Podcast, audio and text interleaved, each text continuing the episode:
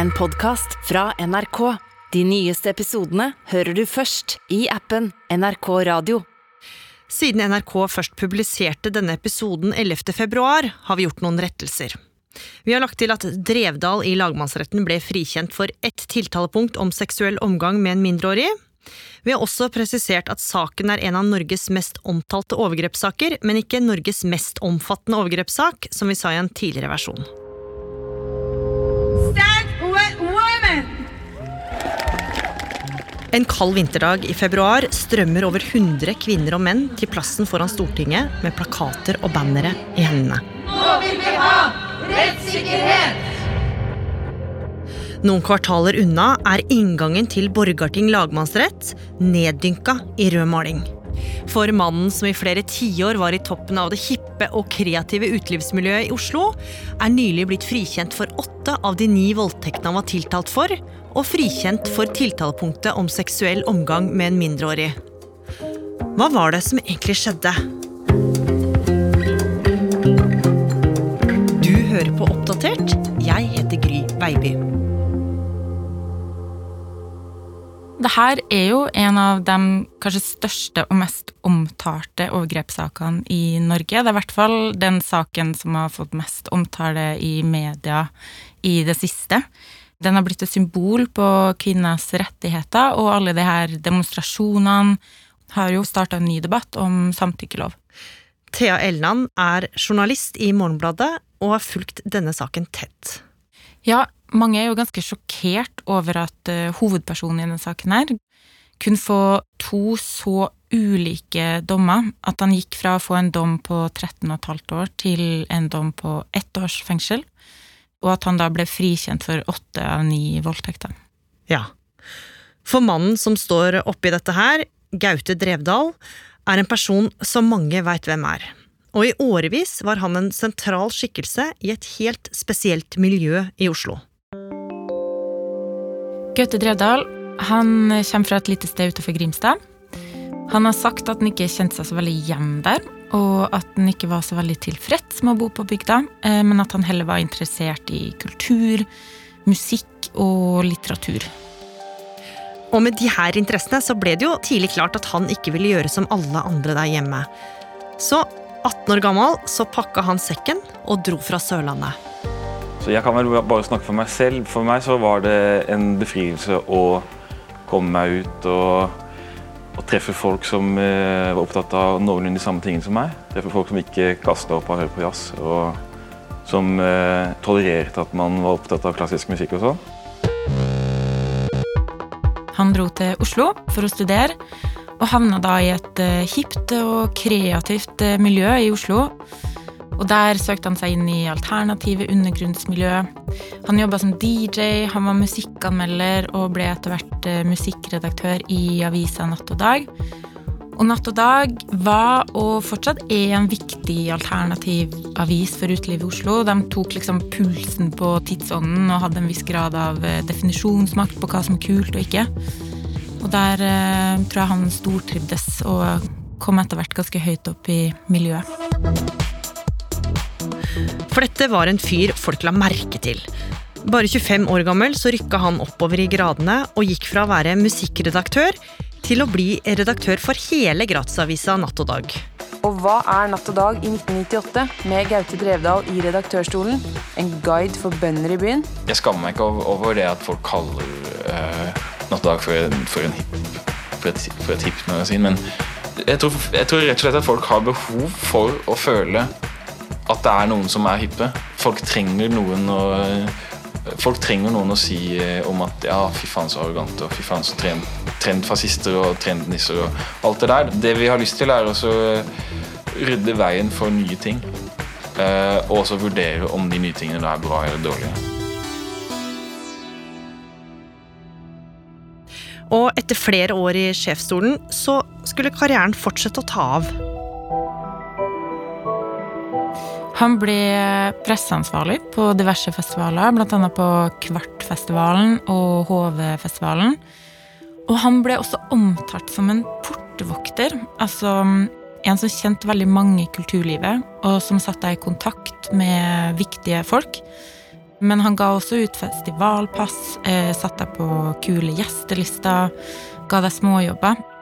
Nettopp fordi han hadde her store, viktige nettverket rundt seg som du også kunne dra fordeler av. da. Og Drevdal selv har bestridt at han skulle være en portvokter, og mente at han ikke hadde noe nettverk som folk kunne dra fordeler av. Men uansett så var jo dette miljøet rundt Drevdal ganske spesielt, Thea. Ja, det var i hvert fall et ungt miljø som kretsa rundt utelivet, og da blir det jo naturligvis en del festing, da. Miljøet har blitt omtalt som grenseoverskridende, for det var veldig fritt, det var åpent, det var veldig kreativt. Det ble liksom sett på som kult å tøye grenser.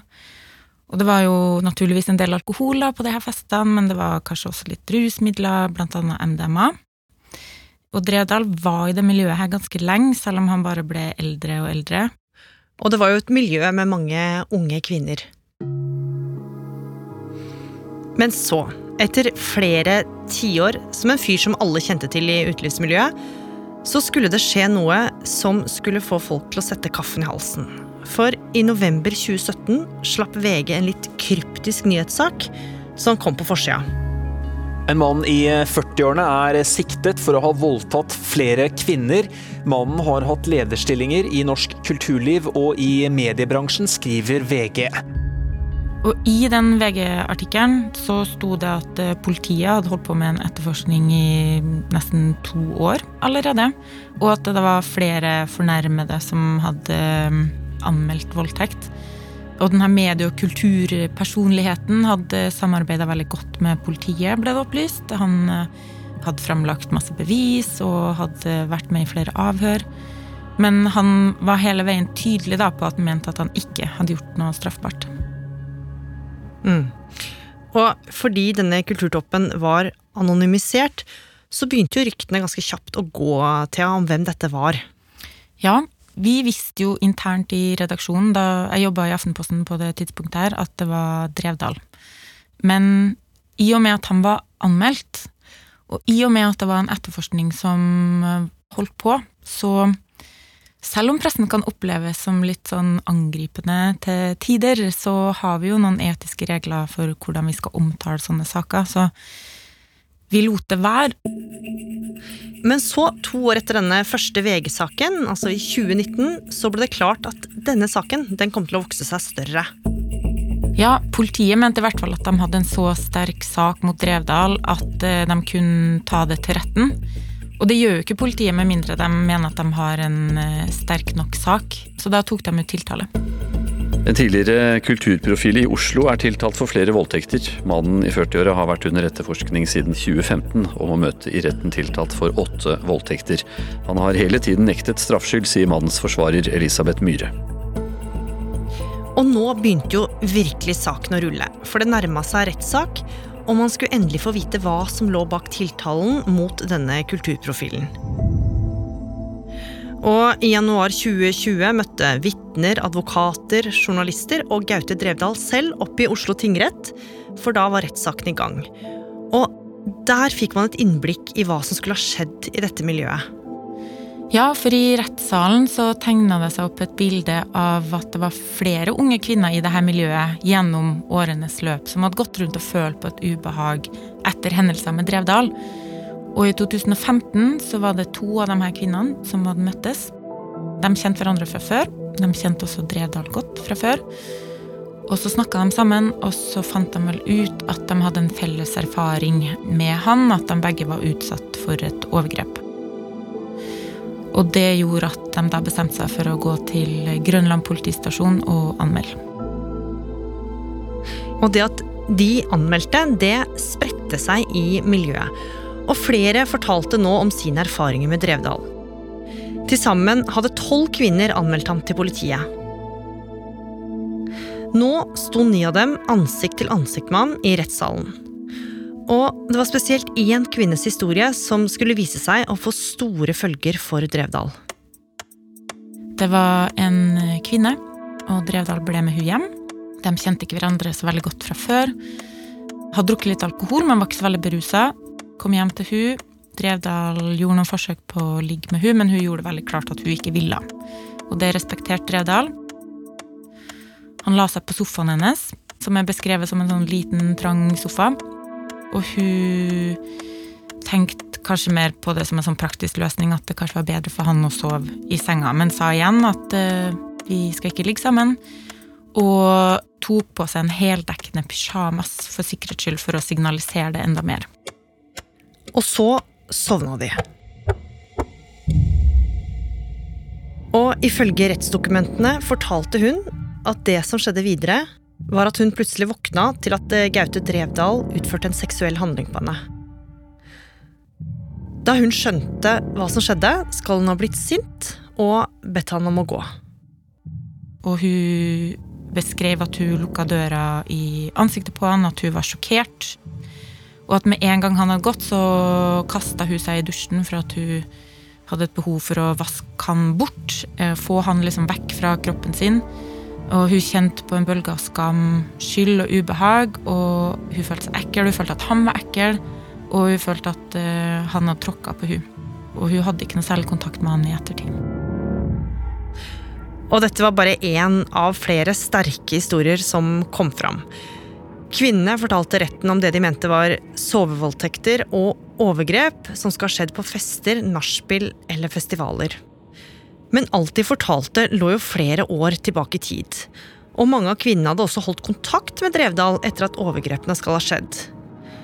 Og det at det hadde gått så mange år før de anmeldte Thea, det var jo noe kvinnene ble konfrontert med i retten. Ja, det var en del av eh, strategien til forsvarerne til Drevdal. For de mente at det var veldig merkelig at de ikke hadde sagt ifra med en gang om det virkelig var et overgrep. Og de fornærmede ble konfrontert med at de hadde vært i kontakt med Drevdal i etterkant av hendelsene også.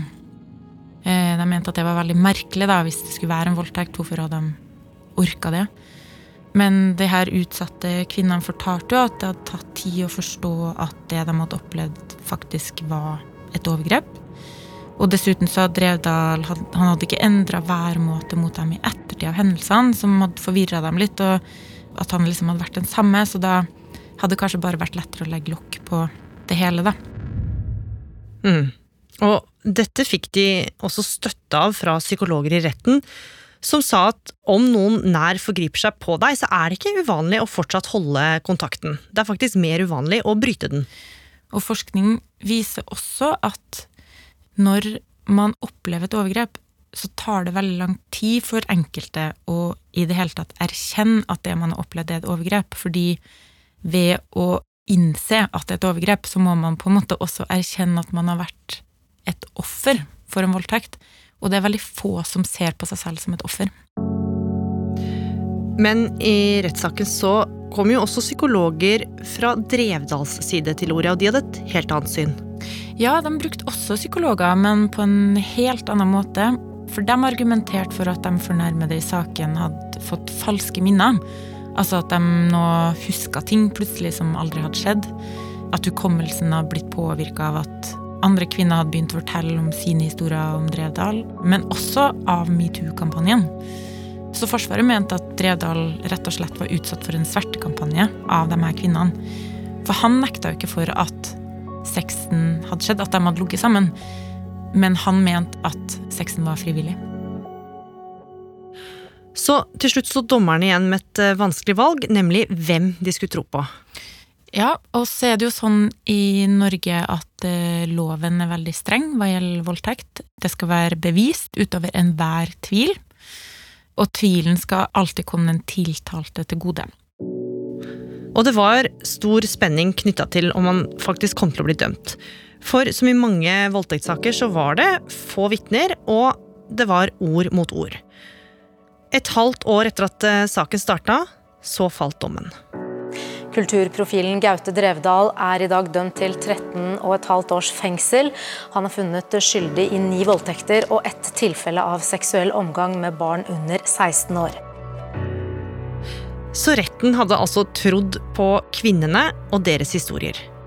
Og reaksjonene lot ikke vente på seg. Sosiale medier flomma over av kommentarer om at dette var en seier for kvinners rettssikkerhet. Og nå snakka mange om at denne dommen både var radikal og progressiv. og så ruller dette her opp, da. Det er egentlig irrelevant når man juridisk skal vurdere om et overgrep har funnet sted, hvordan et offer har oppført seg før og etter. Ni ganger uten at de har gitt ham tillatelse til det. Det er snakk om sovevoldtekter. I denne dommen mot eh, Gaute Drevdal så er det også tatt med eh, uttalelser fra profesjonelle som nettopp slår fast at det er egentlig ingen gal eller riktig måte å reagere på etter å ha blitt utsatt for et overgrep. Men det betyr ikke at overgrepet ikke har skjedd. Og det at det nå blir, blir sett vekk fra i disse sakene. Det syns jeg er veldig interessant. Men Gaute Drevdal, som hele tida hadde sagt at han var uskyldig, han ville at bevisene skulle vurderes på nytt i en ny rettsrunde, og anka dommen. Men han slo seg jo ikke til ro med det, for han følte seg også sverta av mediedekninga. Og Thea, hos dere skulle han jo få mulighet til å komme med sin versjon. Ja, i, i Morgenbladet ba om et intervju vi hadde lyst til å utfordre han litt på resonnementene hans og grave litt i dem. Vi møttes ut. Det her var jo midt under pandemien fortsatt. Det var sol. Klar himmel. Og jeg husker at han kom i en grønn vårjakke. Og under armen så hadde han med seg Mac-en sin, og så hadde han en svær bunke med dokumenter, bl.a. utskrift av SMS-utvekslinger, chattelogger. Så han var veldig godt forberedt. Og det kom veldig tydelig fram at han ikke så på seg selv som noen overgriper. Han understrekte igjen og igjen at han hadde vært en raus og inkluderende fyr overfor de her eh, fornærmede. Og jeg spurte igjen og igjen om han ikke forsto den makta han hadde hatt i det her miljøet overfor de her kvinnene. Og det benekta han. Igjen og igjen.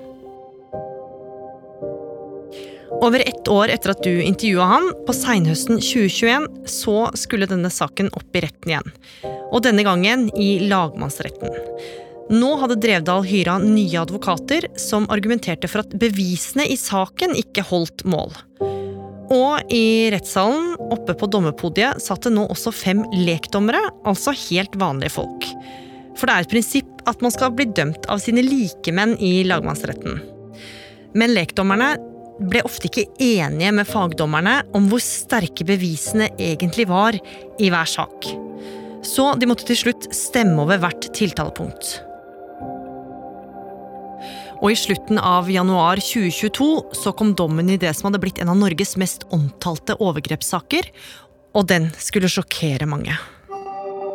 I dag ble kulturprofilen Gaute Drevdal frikjent for åtte av ni voldtekter. Lagmannsretten frikjente i dag Drevdal for åtte av ni voldtekter. Kulturprofilen Gaute Drevdal er dømt til ett års fengsel i Borgarting lagmannsrett. Hvorfor blir han frikjent nå? Altså for alle disse punktene. Han ble dømt for alle punkter i tingretten, men nå blir han altså frikjent av åtte av ni voldtekter som han var tiltalt for.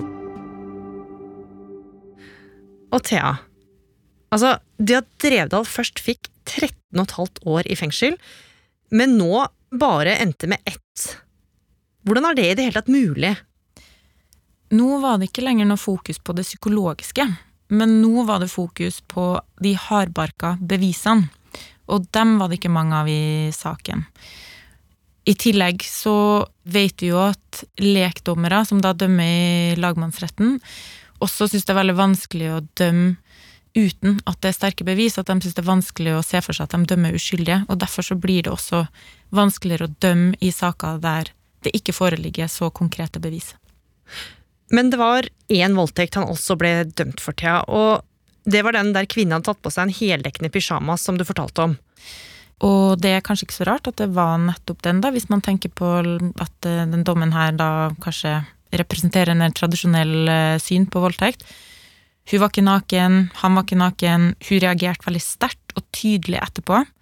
Og de hadde ikke noe kontakt, eh, i hvert fall ikke så veldig mye i ettertid. Og det her står veldig stil til den tradisjonelle forventninga av hvordan en voldtektsutsatt skal handle. Men det som er litt ekstra spesielt, Thea, var jo at Drevdal ble dømt til å betale noen av kvinnene til sammen 690 000 kroner i erstatning. Hvordan er det mulig når han ble frikjent for nesten alle voldtektene? Ja, for man skulle kanskje tro at enten så blir man eh, frikjent og slipper straff, eller så blir man ordentlig straffa og sendt rett til fengsel, men jussen er litt mer komplisert enn som så. I erstatningsspørsmål så er kravet til bevis eh, mindre enn eh, hva gjelder fengselsstraff. Mm. Og nå er det blitt kjent at Gaute Drevdal har anka erstatningskravene helt til Høyesterett. Men uansett så har jo denne saken ført til sterke reaksjoner, og mange mener nå at Norge trenger en samtykkelov. Kvinner har venta en evighet. Nå vil vi ha rettssikkerhet. Jeg har møtt opp her fordi jeg har rett og slett mistet venner til det at det ikke fins en samtykkelov. Alle mennesker skal ha rett å bestemme over sin egen kropp og seksualitet. Med det sagt så er ikke samtykkelov den eneste løsningen, men det er et veldig viktig skritt på veien. En av Norges mest omtalte overgrepssaker er ikke over ennå, og debatten den bare fortsetter. Og Thea, hva sitter du igjen med etter å ha fulgt denne saken? Gaute Drevdal fikk jo en dom. Han har jo fått ett år i fengsel. Selv om han ble frifunnet på åtte av ni tiltalepunkt, så har han jo fått den dommen han har fått. Og i tillegg så har hele den rettssaken ført til så mye mer. Det har jo ført til en stor debatt, og at flere snakker om ikke bare voldtekt, men sovevoldtekt og gråsoner, og hva det faktisk vil si å være en overgrepsutsatt. Og det er kjempeviktig. Så jeg vil kanskje si at eh, det nytter å anmelde om man har opplevd noe kjipt.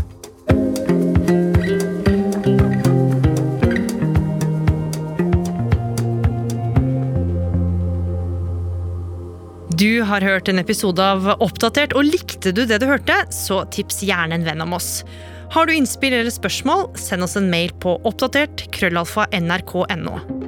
Denne episoden ble laga av Martin Holvik. Andreas Berge. og meg, Gry Veiby. Programredaktør er Knut Magnus Berge. Klippene du hørte, var fra Aftenposten, VG, Dagbladet, TV 2, Nettavisen og Kvinnefronten. Hei, jeg heter Silje Nordnes. Når det skjer ei ulykke, ringer vi nødtelefonen. Redningssentralen? Ja, Sea King Rogaland Radio redningsskøyter har fått problemer. Kan du se det nå?